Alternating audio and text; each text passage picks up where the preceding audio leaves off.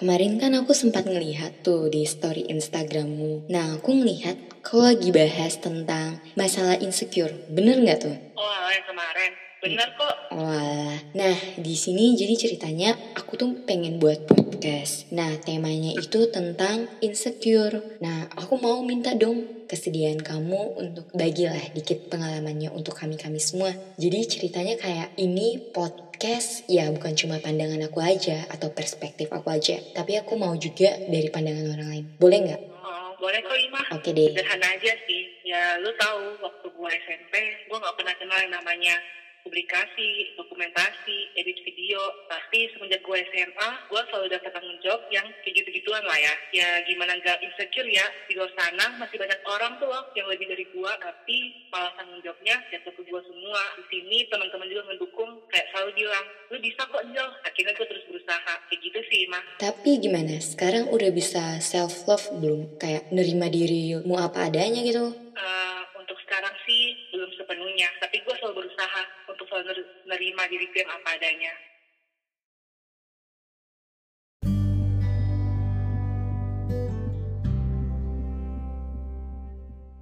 Halo, apa kabar? Sudah lama tidak menyapa? Lelah ya atau bosan dengan karantina ini? Tapi pertama, terima kasih untuk kalian yang mau paham dengan kondisi ini. Tahan aja. Tipsnya lakuin hobi kalian aja.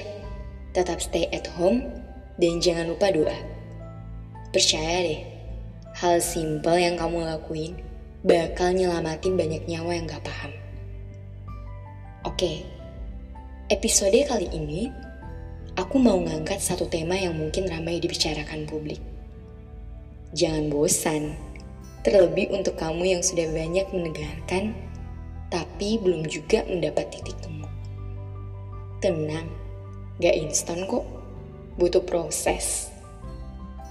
Percaya diri, perfeksionis, tidak puas, atau benci. Iya, hal itu menjadi masalah banyak kaum milenial. Percaya atau tidak, kita pasti pernah rasain yang namanya menolak diri. Aduh, saya tidak pede kalau ngupload foto di IG. Kok kalau aku ngomong sama dia rasanya jatuh banget ya? Nggak pede aja. Pengen deh punya badan kayak dia. Waduh, kebanting lah aku kalau sama dia. Maaf, aku gagal. Aku nggak bisa. Gitu aja ngomong terusnya. Nggak capek tuh, buang waktu cuma untuk mengkritik diri sendiri. Sadarlah, semua ada porsinya masing-masing. Tahu nggak? Kamu tuh cuma terobsesi pada pikiran yang sempit dalam jangka waktu pendek, tapi tanpa disadari pengaruhnya besar. Kamu cuma tidak berani mengambil jalur di luar ekspektasi kamu. Kamu cuma mau mencari aman. Ya hidupnya flat aja gitu. Secara tidak sadar, kamu berada pada titik yang namanya self-floating.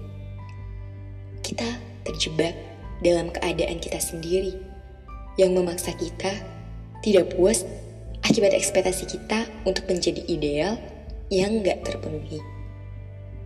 Gak salah kok, kamu takut untuk dibandingi. Tapi lebih salah kalau kamu memilih untuk egois, menyibukkan pikiranmu cuma demi menetapkan standar tinggi, baik untuk diri kamu maupun orang lain.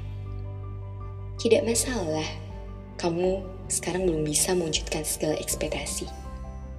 Tidak salah, kamu belum bisa sama seperti orang lain. Tidak salah juga, kamu belum bisa menerima diri. Karena semua butuh proses. Tapi, kamu mau atau tidak belajar bersyukur untuk apa yang kamu punya saat ini. Jangan kamu benci diri sendiri. Apresiasi apa yang kamu punya sekarang. Kamu spesial. Kamu cantik. Kamu berbakat. Kamu pintar.